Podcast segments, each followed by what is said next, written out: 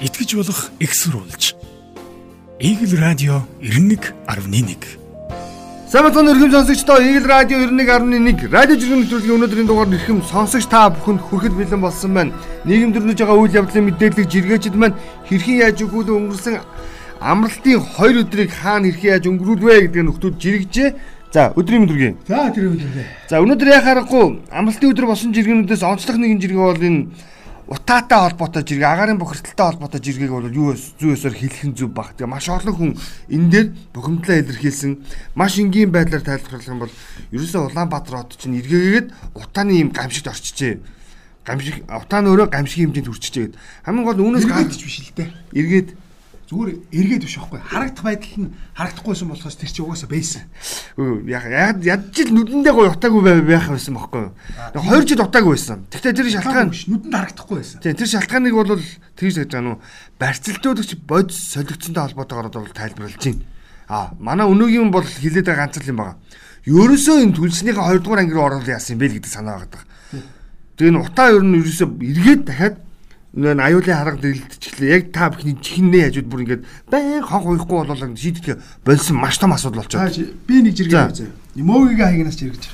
Энэ өчтөрийн жиргээ байхгүй. За. Өнөөдөр тэнгэр цэдлмэг салхи тогтун байлаа гэж. За ийм үед үүштэй те. Уг нь бол үүштэй те. Маш гоё алсын барааны харагдал сайтай. За бортлоо донгоц нисэх боломжтой. Цас ороогүй алсын бараас хүүтэн дулаах хүүтэн биш дулаахан учраас а машин техниктэйгээ бариад агаар сэлгэнд гарах хөдөө гадаа явахад энэ тааламжтай байдаг юм уг нь. За гэхдээ манад бол эсрэгээр Улаанбаатар хотын хувьд алсын барааны харагдсан мотч байна. Тийм ээ. За чээж хорсч байна. За цаашлаа толгой өвдөж байна. За тэгээд хардаа энэ үдээс өмнөх энэ даваа гаргийн үдээс өмнөх зургнууд бол хөвөрсөн энэ хардаа. 100 айл 32-ын тойрог за тэр хангаа хотхон ер нь бол хоошлоо санзаа манзаа ерөөсө битүү Улаанбаатарын хотын нөгөө нэг А бүсрээ орж ирэх тойрог тэр чигээр юм байла. Тий. Тэгээд жаахан гараад алс газраас өндөрлөг газраас харах юм бол за энэ утаа бол ямар байгаа нь шууд харагдана. За яг хөө ингэж яриад байгаа. Барьсалдуулагч бод солигдсон бла бла гэж яриад байгаа. Гэтэ одоо болоо. Болоо. Тэгээд нэг тийм газар байгаа тийм нөгөө нэг юу яадаг газар Улаанбаатар хотын орчны бохирдлыг биш агарын бохирдлыг бууруулах ч илүү ямар ч гэсэн маш том газар байгаа шүү дээ. Гөө би энийг бүр одоо бүр хаягтаа үндэсний хороо юу? Аль нь хэлэх гэж байна? Агаар аа нийслэлийн агаар агаар орчны бохирдлыг бууруулах газар гэж байна уу? Нийслэлийн агаар орчны бохирдолтой тэмцэх тэмцэх энэ тэмцэх гэдэг үг орсон шүү. Засгийн газрын хэрэгжүүлэгч эсвэл тохируулагч энэ төр гэж байдаг. Гэхдээ тийм биш. Энэ бол тэмцэх газар гэж байгаа байхгүй. А нэг эмэгтэй даргана гэдэг нэг эмэгтэй гарч ирээд юм ярьд. Бүрэн сүрэн билүү? Энийг эмэгтэй гарч ирээд ярьд. А тэгээд юу яадгийг? Утааны универс тогтсон байна гэж ярьд. Гүй тогтно би энийг бол сайн ойлгож байна. Утааны универс гэдэг чинь ерөөсөө дөрвөн уулаараа хүрээлэгдсэн. За тэнгуут нь юу салхихгүй тэгэл яг ингээд аяг хөмрөө тавьсан юм шиг л ингээд байж гэсэн үг байхгүй юм чи. А гэхдээ тэр аян дотор утаа хийхээр л утаан байгаа болохоос биш утаа гарахгүй бол тэнд ямар шагааны бүрдэл байхгүй. Зүгээр нэг тамхир төсөл тамхи ингээд нэг юм агааргүй орчинтэй үлээгээд ингээд тавьчихад ингээд савн дотор ингээд манаа л байж л. А тэр нь ямар нэгэн тамхи хийхгүй орж гэдэг юм утаа үлээхгүй ингээд хөмрөө тавьчихад ингээд тунгалгаараа байж л шүү дээ. Тий. Тэгээд Энийг л бид нарт хараа гэж тэнийг юм шиг ойлгох гэдэг ингээ ядаад байгаа. Тэр чи бид нар ойлгоод байгаа. Үгүй яг энийг бол ингэж тайлбарлана ганаа. Тэний хүмүүс нөгөө нэг наадах чинь нэг тийм инверс PM байхгүй. Өвөл өвөл болдгоо бол утаа байхгүй байхгүй. Тэгээд бид нар ойлгоод байгаа байхгүй. Тэгээ наадах чинь хүмүүсийн нөгөө тэнийг гэж бодоод байгаа нь байхгүй. PM 2 тоосон цэрийн инверс гэдэг тийм яг мэрэгжлийн үед идлэг ба штэ. Тэднийг хэлчихээр хүмүүс аа ингээ манаар чад өөр юм бодоо явчихнаа. Байхгүй хэмжиж байгаа хитэн бодсон биш нэ яг тэр индексээрээ хэмжих нь бас алдаа дутагдaltaй байдаг. Ер нь бол агаарын чанд индекс үе тоогоор. За тэнгуүтээ цагаагаартай холбоотой нэг үл угаасаа үл болохгүй бол тэр чинь утаа байхгүй шүү дээ хүүтэн байхгүй. Яг тэрнтэй адилхан Улаанбаатар бол боо шүү дээ тий. Угаасаа. За тэр байтал Монгол орн заа юу. Хүүтэн. Угаасаа биш дээ тий. Их төлөө өвөлдөө цэлмэг за их төлөө их төлөв салхишуурах багтаа байдаг ийм онцлогтой газар угаасаа угаасаа Монгол орн. Улаанбаатар хот ялгаагүй. Газар зүйн тийм онцлогтой. А тэгэхээр тэрийг тэрлүү чихээд тэгээд ер нь бол утааны инвест тогтсноос болж агаарын бохирдол их байна гэж хэлэх нь бол өрөөсгөл ойлголт буюу яг л өвөл хүүтэн болдог гэдэгтэй адилхан ийм тодорхойлол болчиход байгаа. Тэгэхээр одоо боль Би ягаад энийг одоо ингэж ширүү хэлж ийна гэх юм бол шүү дээ. Тэгээд нэг хоёр дахь хэлж ийм Facebook-оор лайв хийн. Сонсогчд маань бас тэгээ Weatherman өнөө гэсэн Facebook-оор пэйж рүү орж үзээрэй. Би жинхэнэ утгаараа тайлбарлана. Аа. Одоо бойл гэдгийг нэг яагаад гэвэл энд дүүштэй те. Тэр агаарын бохирдолтой орчны бохирдолтой тэмцэх газрын дарга тэр эмхтэй тааж бохирдож байгаа. Би ч одоо хордлого авч байна. Одоо гамбайр тааж одоо хордлого авч байна. Миний хүүхдүүд амьсгалж байна. Тэгэхээр энийг үштэй те. Би нэг яагаад ингэ онцлоод байна гэх юм бол айгүй их мөнгө гаргадаг байхгүй юу? Тэгээ тэр нь ямар ч үр дүнгүй алга болдог. А тэгсэн хэрэг зарим нэгэн жагсаа зогсоон байгаа цуглаа хийнгүүтээ алган туршаа цугаа алга болчих хэм билээний бүрүү ямар юм билээний хүүхэн байдаг. Бүрхүү. Бүрхүү гээд Ерөнхийлөгчийн ичиж амьдрах хэрэгтэй. утааны зөвлөх хэрэгтэй. Ийм уухаас ижиг байж болохгүй шүү дээ. За, төр бат наадах чинь хэлсэн байгаа заяа. Парист гэлүү Лондонд гэлүү хэдэн мянгаараа утаанд хордож үхээд утаатайгаа тэмцэж арилгасан л гэдэг. Монголд Улаанбаатар утаатайгаа тэмцэх юм болов утаагаа бууруулах мөнгөтэйгээ тулж ажилласаар байх юм болов яана блэ? Наач нөхгүй. А тэгээ одоо энгийн заяа. Гэсэн утаагаа туурах нүг юу бууруулах гэж ажиллаад байгаа мó утааныхаа мөнгөтэй тулж ажиллаад байгаа мó гэдгийг асуугаад байгаа байхгүй. Зөв. Тэгээ мөнгө нь хамгийн гол ямар ч үр ашиггүй байхгүй. Одоо тэр мөнгийг нь дээ тий. Гамбайраа өнгөрсөн хугацаанд зарцуулсан тэр нэг амар тоо байгаа дээ. 590 Үгүй амар 596.7 тэрбум билүү нэг тийм тоо байх дээ. Эсвэл 597.6 тэрбум юм. Энэ гэр оролтын хүмүүсийг бүгдийг нь байранд оруулах юм байхгүй. гэнт шүү дээ. Тэгэхээр аа энэ чинь зөв. А тэнгуут эн чинь бол Лондонгийн нэг утаа манан яриад байгаа байхгүй утаа өшгийг. А тэнгуут эн чинь ингэн заяа гамбайраа. Одоо биш тий. Ингэж яагаад биш тий. Эдгэр чи юу хүлээж байгаа гэж. За, дельта хөлбөр байсан бол омикрон бүртгэгдлээ гэд. Сенсац дараад утааны хажуугаар яг оруулж ирээл. Дотооддоо инглээ маска зүгээрээ гэр оноос бити гараараа гэл. Яг нэг юм нэг өмөр дараах айгу сонирхолтой. А тэнгууд эн чинь одоо ингээд дутхгүй нөгөө нэг цагаан сар болоод бид нар хаврын өр орлоо, хавартаа золглоо. А хавруу салхитай хөлөөлөхгүй. Нэг 2 3 хаас. Одоо буурна шүү дээ. Тий. Тэгэхээр арилчлаа гэл. Тэнгүүд за энэ ер нь бол нөгөө нэг хил гаалч нээгддэг юм үү те тэр байна. За энэ бол нөгөө нэг хүрлэг хий агуулсан нөгөө нэг агууламжтай нөгөө нэг шахмал түвшнийхаа орснойрдаг маань урдаас ирлээ гэдэр гэл. Юу гэж ярих бол би бол нэр харсан юм шиг мэдэж байгаа Уусаал нөхдүүд тийм юм ярина. Одоо энийг одоо бид нар харин эвлэрхэ болчих хэрэгтэй шүү дээ. Үгүй эвлэрмээргүй байгаа. Гэр эвлэр эвлэрхэл болмоор байна харин Бүх тийм. хүмүүс постыг хэрэгтэй хаштаг хийж хүрлэг хийх хөхөртийн үндийн инжигээд хаштаг хийгээд одоо энийг бол газар авах хэрэгтэй байхгүй. Энэ одоо миний ч асуудал учраас тийм ээ. Одоо ингээд цагаан сар яг чи сая хэлсэн чинь нэг нэг шуумыг нөгөө шуумаар дарах гэж оролдог. Одоо ингээд цагаан сар болохтой зэрэгцээд эхлэхэл бууц хөлдөгчөнд хамдуудаа золгуулыг золгуулахгүй хүмүүсийн нөө сэтгэл санааг. Өөр хэлж байна. Тэр нөгөө нэг бэлгээ бүгд ирэнээс шиш өх орносоо цуглуулъя гэдэг ч юм уу те. Тэгээ одоо бензиний толгоон хүртэл одоо бэлгэнд явуулъя гэж реклам супер супер яваад эхэллээ. Энэ мэмүр тогт далаагаа сэтгүүлч иргсэн байгаа юм л да. Шуурхаа гэж байгаа. Энэ өчтөрийн жиргээ байхгүй. Яа эн чинь бол ганц а энэ далаагийн жиргээ биш шүү дээ. Бүх хүмүүс мэдж байгаа. Омикрон 5 бүртгэгдлээ гэд манай хаарч гарсан тий. А эн чинь нөгөө л ингээд Гэхдээ айгүй сонд гамаараа нэг 12 нь илэрх гэж айгүй уудснаа 5 мангар урд илрээ тий. Нэг нэг нэг гарчгаараа нэжгээр гарч ийна л гэдэг санаа байгаа. За за, ямар ч утаатай холбоотой асуудал ингэж амьтын амьтад бол бухимдалтай байсан. Та хэд маань юу аахгүй сонсогчдоо тэгж болохгүй. Хүрлэгийг хаштагаар явуулаад авах хэрэгтэй. За амралтын өдрийн бас нэг сонирхолтой жиргээ Казахстан зорчиж байгаа Монголын дугаартай автомашины зураг анхаарлыг ёсоор татлаа. Дугаар нь Хайрат Бэйк гэдэг ханаас жиргэж юм. Казахстанд дархны дугаартай санаата 6 машин явж байна. BBC-гийн мэдээгээр гарч ил байдаг. Ёстой манайхан тэнэхгүй газар гэж байхгүй шүү гэд. Тэгээд дугаар нь болохоор да 0782 гэдэг юм санаатай зохиж яваа. чи манай болгоных л байх хэрэгтэй байсан. Тэгээд бас яачлаа. Аа тийм үү. Тэгсэн чинь яасан бэ гэсэн чинь ерөөсөө энэ Казахстанчууд угаасаа Монголоос санаатай машиныг зөөдөг. Зөөдөг. За энэнийг алтан болгоны хэлээр ингэж Монгол дугаартаа гаргаснаар татвар багт төлдөг. Буюу худалдаж авсан биш, унд зорчиж байгаа гэдэг агуулгаараа. Тэгээ очиод энэ чинь 3 сар хүртэл Монгол дугаартаа явах хэрэгтэй гэдэг юм зөв. Тэгээ ерөнхийдөө бол энэ манайхас чи Солонгосоос санаатаа оруулж ирэхээр хар өнгөтэйгийн төрийн байгууллага худалдаж аваад цагаан саарлаг энэ Казахстанууд буюу Казак иргэд худалдаад авчихдаг. За энэ бол ер нь бол олон улсад Монголыг бас сурталчилсан үйл явдал боллоо гихчлээ. Хоржонтой жиргэнүүд их олон өрнөсөн. За дараагийн нэг жиргээ энэ Наскагийн жиргээг онцлон бас олон улсад гайхагдах жиргээ гэж гэж хэлж болохоор ч юм. Яагаад жил их тусам загварууд нь улам хятчаад байдаг юм бэ? Монгол брэнд гэж боддгий байсан юм аа уг нь. Гэтэл хятад эзэнтэй юм багтаа л гэж бодоход л явах юм. Хятадын цагаан сарын өнгө айс яг ийм байдаг юм байна лээ гэд. Араас нь саруулхан ялгуун гэж монгол нэртэй хуржаа бүтээгдэхүүн өндөр үн төлж авдгаа болох хэрэгтэй байна. Өөрийн үйлдвэр гэх юм байхгүй. Таван нүдэн байна. Тэнгэрийн үнэтэй маркетингаас өөр юмгүй гэд. Энэ өнгөрсөн амралтын өдөр уламжлалт сар шинийн баярыг ухцсан хит хитэн монгол брэндүүдийн гэж хэлэгдэх тийм үү.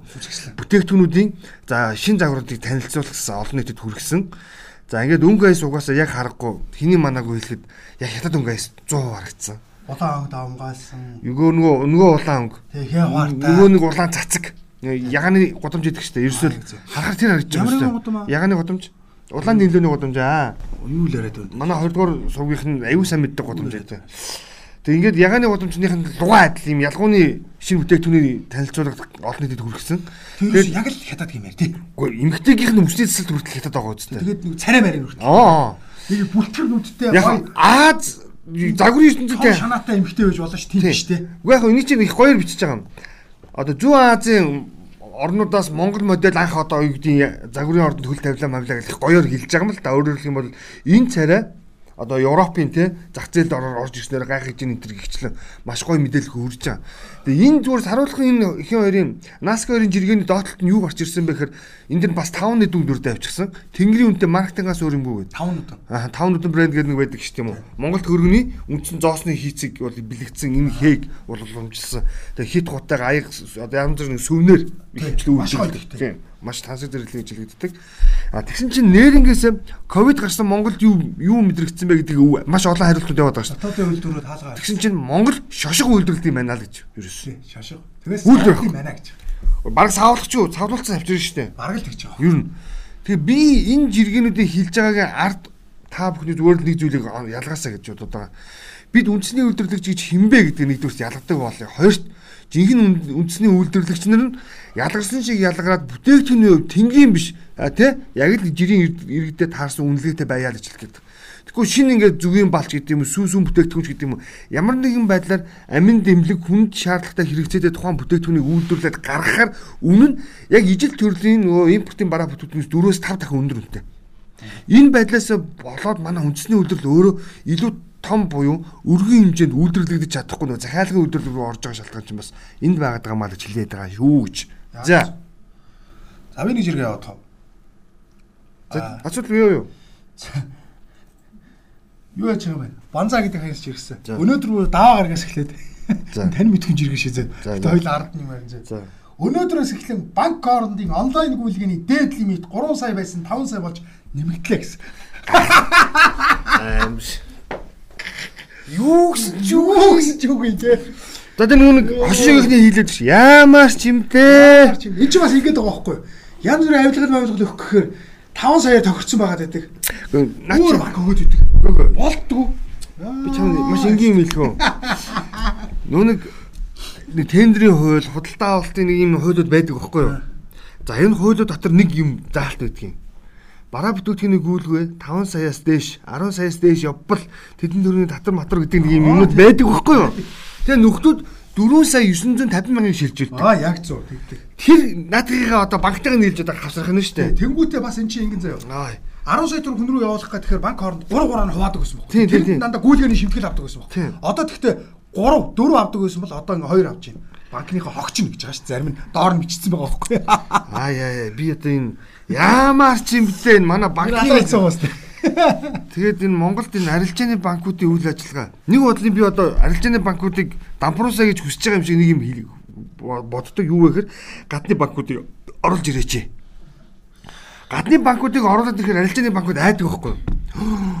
Өрсөлдөөн бий болоод бидний нөгөө нэг манайдээс нугсалж авдаг хүү буучих гэдэг. Нэг бодлоо. Бүр орж ирэх хэрэгтэй бүр одоо байгаа энэ ипотекийн зээл, цалингийн зээлтэй нь худалдаж аваасаа бүр. Тийм. Хилжүүлээ зай. Тийм. Тэгсэн чинь аа тэгсэн чинь хамгийн том эрсдэл юу вэ гэхээр нөгөө нөгөө ядууч гэсэн муухай ажлч гэсэн Монгол улсад бодох юм л да. Яг тийм гадны банк орж ирэхээр манай банкыг бүгдийг бодлоод авчин заяа. Тэгээ хүүгийн нас унаагаа ачна. Эсвэл хажууд нь зэрэгцээд маш бага хүүтэй мангар их хичээл гаргаж байгаа нөгөө банкуч давпуурч. Тэгээ бид гадны улсад одоо улсаараа өртөө болох гэдэг нь шүү дээ. Хараат ус. Хараат болох гэдэг нь шүү дээ. Хараат. Өөрөөр хэлбэл бид нэр хаан банкны малыг малдаг байлаа гэдэг нэг хэсэг ярьдаг гэсэн тийм үү? Өөрөөр хэлбэл Монголын бүх малчид одоо 900 орчим мянган хүн байл малчин байгаа гэж үзэхэд малчин үрх байгаа гэж үзвэл тэд бүгд хаан банкны зээл авцсан. Хонь малаа гэж барьцаалж байгаа. Тэгээд тэд нар ч өөрсдийнх малыг биш банкны мал хариулаад байсан болж харж ирсэн шүү дээ. Тэрнтэй адилхан гадны банк ороод нэг эрсдэл тгийж яагаад байгаа болохоос биш. Ирэх зүүн байдлаа гоё цаахан гэж алсыг харж ирсэн тий. Орлоод ирэх юм бол энэ манад энэ хідэн нэг даварцсан банкуудыг болмоор байгаа. Ялангуяа энэ хаан гэдэг нэртэй банк одоо энэ иргэдийн шимтгэл Өө бүр найгаа алдсан. Он гарангуй төрөөсө картны мөнгө гээд 30-аас нь 30-ийн 30 алтан карт 30 Тэгээд нөгөө нэг ямар юу нам блэ тэрнээс 20 гээд шууд татаад авчих. Тийм үү? Жилийн хураамжгаа шууд Харин хүн болгон бүр өглөөл энэ хаан банк араа Жилийн дэнхэн гэж. шууд авчих. Банк тэгэд хүнд нь хилэлгүүгээр мөнгө татчих ингээд бас нэг асуудал. харин тэр чинь харин надад Биш өөр өөр мөнгө бүс бүр өөр өөр. Чиний даасан одоо сая төгрөг байлаа гэхэд 500 мянга татцсан байдаг гэдэг байхгүй. Яаж байгаа хийж байгаа гэж өө манайхан гүйлгээ андургдсан байна. Тэгээ эзээ орохгүйгээр орноо л гэсэн гэж. Тэгээ бүр юм тийм дураараа сая бол тэр тэгээ бид нар чинь ингэт юм байна. Кар захиалах энэ төр дээр тэр бас гэрээг хардггүй юм. Тэнгүүд гэрэн дээр чинь нэг байгаад байгаа. Тэр нэгэд нэг хөвгийн жижигхнэр нэг хачийн бичсэн байдаг ч юм уу. Наа чи одоо энэ нөхгүй нэг одоо өөрөн телефоны компаниудаас ингээд юу аавна? Дугаар авна шүү дээ, тэ. За чи 9911 ч гэдэг юм уу, тэ 9910 ч гэдэг юм уу, 9191 ч гэдэг юм уу дугаар худалдаж аавна, тэ. Тэгээ өөрийнх нь нэр дээр болгож аваад за нөгөө дугаараа авчиж авангуудаа гэрээ байгуулж байгаа, тэ хоёлаа. Байгууллагатаа. Өрн телефоны өрн телефоны компани тэр гэрээний хамгийн доотлол хийсэн заяа. Та энэ хүү дугаарыг эзэмсэн цагаас эхлээд тэ энэ дугаар дээр одоо гарч байгаа төлбөрүүдийг төлөх үүрэг хүлээн хэрэг үүрэг энэ үүргээ биелүүлээгүй бол Монгол банкны харж агсаалтанд ордог. Хамгийн амар нь. Тэгээд маш олон иргэн Монгол банкны харж агсаалтанд орсон гинт огт нэмэгдсэн байна гинэ. Тэгээд тэр ингээд автомжийг нэгээ судлаад үзсэн чинь за хамгийн сонирхолтой нь яг нэг өрн телефоны компани нэг юм реформ мэдэгчдэр нэг юм Багц дугаар задлаж дугаар задлж Нүгүү, тэгээд эсвэл султаа мараагаал тэгээд нэг юм реформ хийгээл нэг одоо апдейт хийгээл бүгд сүр PR явдаг штэ. Тэр үед бахан багийн дугаар авчдаг. Тэгээ нүүдгөө нөгөө нэг ашигласан юм байхгүй. За за баг нэг уцандаа ихэрлийн ажилч мөнгө нь гүйдэн гэж ойлгоод мартцсан. Тэгээд тэр нь тэр нэг үнцэн оромж гэдэг тоолор гүйсээр хагаад тэнгууд Монгол банкн дээр очингууд та өртөө биш тэгээд ямар үр юу яриад байгаа юм бэ? өөр зээл аваагүй. Гэхдээ та энэ тэр дугаар эзэмшигч юм байна шүү дээ. Энийний чинь суур урамж нь 50 мянган төгрөг, 70 мянган төгрөг, 200 мянган төгрөг гэдэг. За ингээд өөрх юм харж ихсаалтын эзэн болно доо. Бид нэг ийм байдлаар банк санхүүгийн сектортойгоо хамтарч ажилладаг. Тэгээд энэ нэг зүйлийг анхаарах хэрэгтэй. Банк санхүүгийн сектор нь дандаа үйлчлэгээний байгууллагаас авах хураамжн дээр ийм залтуудыг оруулчихсан цуг ажилладаг. Тэгээ үйлчлэгээний байгууллага гэдэг чинь өөрөө түрүүн чи битэр хэлээд байгаа үйлдвэрлэгч биш аахгүй юу? Таны мөнгийг сорчоод яваад өгдөг газар аа гэдгийг ойлгоорой гэж. Мөн үү? Тийм бааш таараа тий. За дараагийн нэг жиргэг би нэг жоохон спортын жиргэг явуучих. Өчтөр сумогийн нөгөө нэг юу их хэлсэн шүү дээ. Шин башаа. Энд дээр нөгөө Төмөр Батаргаа Япон судлаач Төмөр Батаргаа жиргсэн. Тронофужигийн хамгийн сүүлийн эхний өдрийн барилдаа гэж хэлж болно тийм барилдаа нэг гаргасан тэгээд төрүүлсэн авшид авсан. Тэрэн дээр ингэж юм. Токиотод Озумигийн Ривагийн 4-р оны анхны башаа эхлэж байна. Якузана Тронофужи ган эрдэнэ Комусуби Дайшиёг за ширүүн өрсөлдөөнөөр давлаа.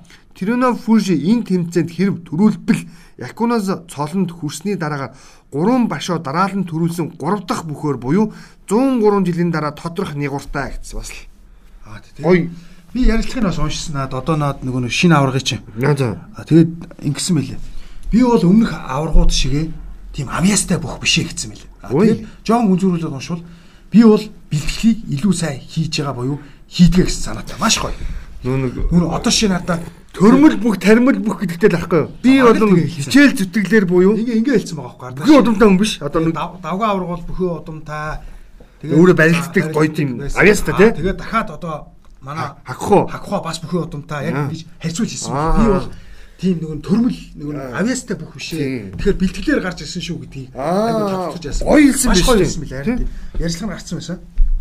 Тэгж хэлсэн байсан. За Баян Монгол MH-дэг агнаас жиргсэн. Баярхууга хэлж гин ядуусаа олон жил хадгалбал нэг өглөө баячуудаа үзэн ядаж бослох тэмцэл эхэлдэг гэж манайх дөхөж байна да 8 жил ман тижээш гэсэн байдаг. Энэ манай эфирээр явсан. тийм. Гам баяртай ярилцсан. ярилцсан. Казахстан Хэлсэн. улсад өрнөж байгаа үйл явдлыг ерөөхдөө олон улсын судлаач нар янз бүрээр тайлбарлаж байгаа шүү дээ. Энэ чинь барууны орнуудын гар хөлөг болгосод зохион байгуулсан чих шиг Оросоос иж байгаа үн нөлөөлөл гэж янз бүрээр хэлж байгаа. Гэхдээ наа чинь юусе альч гадны нөлөөлөл байхгүй гэдгийг бол бүх Монголын гих тодголтой нөгөө нэг олон улс судлаач нар тайлбарлаад байгаа. Тэр нь итгэх хэрэгтэй. Би ч гэсэн итгэж байгаа. Шалтгаан нь юу гэхээр хит нэг зүйлийн дарангуул ийм өндөр байхаараа хэлэх юм бол энэ одоо ингэ аяган дотор хөмөргдсөн байсан арт хүн задардаг л гэсэн үг санаах. Одоо нөгөө нэг Монголчууд- мэдсээр эцээр тэр нь одоо хүрэлцгээ байгаа л задарч байгаа. Тийм. Монголчууд 21 онд 11 онд тэр ховсгол хийсэн гэдэг чинь тэр шүү дээ. 200 жил манж гэдэг юм нөхөр ингэжээс учраас дадарч бид нар тусгаар тохиолдол эргэлхийлсэн. Тэгвэл одоо 30 жил нэг гэр бүлийн атганд байсан улс үндэстэн одоо үндсэндээ бол ингээд төвчээр нь алтраа задарч байна л гэдэг илрэл. Бид Яг ийм нөхцөлтэй адилхан би нэг хуулийг бүр зориуд онцлоод хэлчихэ. Өнгөрсөн баасан гарагт холбооны тухай хуулийн төслийг өргөн мэдүүлсэн. За энэ хуулийн төслийг хилцэгтэй холбоотойгоор улсыг хурлдах ардын намын бүлэг 5 хоногийн завсарлага авсан. Тэгээ энэ хуулийн төслийг ардын нам бол их зүтгүүлж байгаа. Ер нь бол би бол энэ хуулийг эсэргүүцэж байгаа. Яагаад тэгэхээр холбооны тухай хууль гэдэг нь юу вэ гэхээр заяа бүх спортын болон иргэний нийгмийн оролцоотой төрийн бас байгууллагын холбоог төр хянах гэж байгаа. Ийм хууль. Араачигтэй иргэдийн нөгөө нэг уг нь бид нар чи арчилсан нийгэм гэж хэлэгдэт байгаа тий олон намын тогтолцоо гэж бид өөрсдөө тодорхойлоод байгаа. Гэтэл бүх төрийн бус байгууллагуудыг тийм үү төрийн буюу засгийн газараас хяндаг буюу засгийн газараас тэдгээрт үнэлгээ хийдэг болно гэдэг чинь өөрөө 100% хянаа л гэсэн үг. За яг зөв. Хоёр гэвэл одоо ингээд за хамгийн чи одоо сагсан бөмбөгийнхэнтэй их ойрхон байдаг хүн. Манай сагсан бөмбөгийн 2 3 холбоо байдаг тийм үү? Хоёр холбоо байдаг. За мэдгүй ямар ч би зүгээр тэгж зүгээр тайлбарлах гэж байна. 2 3 холбоо байдаг. А гэтэл тэр холбоод бүгдөө залуучуудын буюу тамирчдын ив санааны нийтлэр үнэлэгдсэн өөрсдийн хэшиг хамгаалж байгуулсан холбоо мөн үү? Мөн. А тэгтэл тэр холбоог тэр 3 ч юм уу 2 холбоог зөвхөн Монгол улсыг төлөөлөх хэрэгтэй нь өн олдын холбоо байна. Ган баярын холбоо байна гэдэг хин тодорхойлох зөвхөн засгийн газар тодорхойлно гинэ. Энэ хуулийн төсөл төр. Уг нь бол миний харж байгаагаар спортын холбоод хин тодорхойлох вэ гэхээр тухайн спортын холбоо нь өөрөө өөрсдөө тодорхойлно. Олон улсад одоо юу гэдэг явуулж байгаа үйл ажиллагаа нөгөө нэг харилцаа тий бусад нь бол угаасаа тэгдэг байсан юм. Харин тий Тэгэхээр тэрийг нь одоо засгийн газар хяндаг болох гэж байгаа байхгүй юу? Наа чи ийм хардаа. Би саксын холбоон дээр юу шууд. За за. Хоёр холбоо байгаа байхгүй юу? Нэг нь Монголын саксын бөмбөгийн холбоо, нөгөөх нь Монголын үндэсний саксын бөмбөгийн холбоо гэдэг. За яг одоо ингэ нэгдэл лигээ хийж л байна л да. Энэ бол маш удаа явсан. Маргаан байсан шүү9-өөс дээ. 8-аас 10 жил явсан асуудал байхгүй. А тэнгуү тэнгийн олон улсад тэмцээнд явъя гэхээр олон улсын сагсан бөмбөгийн холбоо буюу FIBA зөвшөөрдөг байхгүй. Та хэд наа дотоод асуудлаа шийдээ гэж. За яг тэр чинээгээрээ тамирчид Монгол дотроо байгаа тамирчид буюу залуу үе хохирно. За хоёр тэгвэл тэндээс орж мөнгө орж ирдэг байхгүй. Энд чинь нөгөө хөгжиж байгаа спорт манайх ч бол яадаг орж ирдэг байхгүй. Тэгээ тэнгууд хамгийн ихээр тамирчид хохирдог учраас сая тамирчдын холбоо гингүүтэй тамирчдын холбоо, үнцгийн сагсан бөмбөгийн холбоо, сагсан бөмбөгийн холбоо гэд гурвалсан ингээ гэрээ хийгээд ингээд одоо ингээ явж байгаа. А энэ чинь улс төрлөө оруулах юм бол эн чинь одоо бүр жанхууны юм болно. Харин тийм улс төр харин хэн зас төрөөс хинэх гад байна ойлгож байна гол. Манай тоомч сэтгүүл бас яг энэ тухай хэлсэн байлээ. Чи ээлж тэгээд одоо бас 90-ийн нийгмийн байгууллагыг бас тэгж байгаа. Гэхдээ энийг аюу гоёор тайлбарлаж байгаа. Улсыг хуралдах Монгол Ардын намын нөхдүүд яаж тайлбарлаж байгаа гэхээр за улс төрчид 90-ийн нийгмийн байгууллагыг захиалдаг өөрсдөө өөрсдөө хөлсөлдөг тийм өөрсдөө өөр санхүүжүүлэлт хийдэг. Тийм учраас энийг бол одоо улс төрчдийн оролцоогүй 90-ийн нийгмийн байгууллага байх хэвээр. Үүнийг тодорхойлох эрх үүрэг нь хууль заамд байна аль болоо. Аа. Аимшигтай. Өөрөөр хэлбэл тэр байгууллага хин нэгний хараад бус гэдгийг хууль зам тодорхойлуулах гэдэг шүү дээ. Тэр төрийн хянах гэдэг нь гэсэн. Дураараа юм би тий. Тийм. Тэгээд давхар гэж юм. Ямар нэгэн холбоотыг тий өөрийгөө гой тайлбарлах гэж байгаа хэлбэр шүү дээ. Холбоотыг холбоотын удирдах албан тушаалт нэг шиг болно. Нэгэн одоо засгийн газар их хурлын гишүүд одоо хашихгүй гэдэг залт оруулж ирж байгаа юм байна. Одоо бол нэр бүхий нэг 10-аад их хурл засгийн газрын гишүүн бол спортын холбоотын тэргүүлдэг юм ба штэ. Боксын холбоог чи бол хойд сайд тэргүүлдэг. Нямбата. Тий. Шатрын холбоог чи одоо хэн блэ? Жавхлан блэ? А зан хин Санжметов. За ингээд ингээд хоккей холбоог хин жавхлан болон жавхлан. Ингээд ингээд. Тэгвэл одоо эдрийг болиулнаа. Ягаад тэгэхээр эдгээр чинь улс төрчид биш те засгийн газар хяндаг болноо. Хоёр янз байна заа. Би хоёрыг хардлаа. Нэгдэх нь биш те. Жудовгийн холбооны ерөнхийлөгч Алтмаагийн Баттулга байна. Медаль аваад маш их нэр хүндтэй байсан учраас бүх бол төр гэдэг зарчмаар улсыг урдгах магадлал өндөр. Эсвэргээрээ Жудогийн холбооноос орж ирж байгаа санхүүжилт мөнгийг авч санхүүжилт буюу мөнгөтэй авах магадлал их байна гэдэг үүднээс энэ хоёр энэ хоёр талаас нь ерөөсөө юм. Зүгээр эцсийн бүлгээр мөнгө олж нэр төрөө өсөж байгаа үйл явцыг хаанаа л гэж байгаа юм шүү дээ. Үгүй тийм санааг яг цугулзуу. Харин тийм ээ. Болж санаа санаа санаа. А гихтээ гихтээ нөгөө юм ч юм баггүй арталт. Гихтээ арталт нь бид ардчсан чөлөөт нийгэмд иргэд эвлэлдэн нэгдэх ирэхгүй болгох энэ зарчим руу явж гинэ гэдгийг ойлгооч л гэж хэлэх гээд. Одоо тэгээд бүх юм ярих гэдэг шүү дээ одоо. Дураараа болох нь л дээ одоо. Одоо эдгээр их хурал дээр засгийн газар хянаад явдгийн байгаас одоо бүр иргэний нийгмийн байгууллага гэдэг алсуураа хямдаг болох ч гинэ гэдгийг та бүхэндээ энэхүү мэдээлэлээр хуваалцаж хэлээд байгаа маа. Тэгэхээр энэ дээр иргэд та бүхэн бас Eagle телевиз, Eagle радио, Eagle-тэй холбоотой мэдээллүүдийн бусад сайтуудаас, Times төлүүдээс бас олж уншаарай энэ асуудал өөрөөр хэлэх юм бол иргэн бидний эрүүл чөлөөтэй байх буюу өөрөөр хэлэх юм бол маш энгийн амьдрах үндэсчин шүү. Арталт нь нэг маш том юм агуулга байдгийг ойлгоорой гэж. За өнөөдрийн нэвтрүүлэг энэ хүрээд өндөрлөж байгаа байна. Бидэнтэй хамт байсан сонсогч та бүхэндээ баярлалаа. Шинэ блогт илүү олон мэдээлэлтэй, илүү олон амжилттай ажиллахыг та бүхэндээ өсөөрэй баярлалаа. За баярлалаа.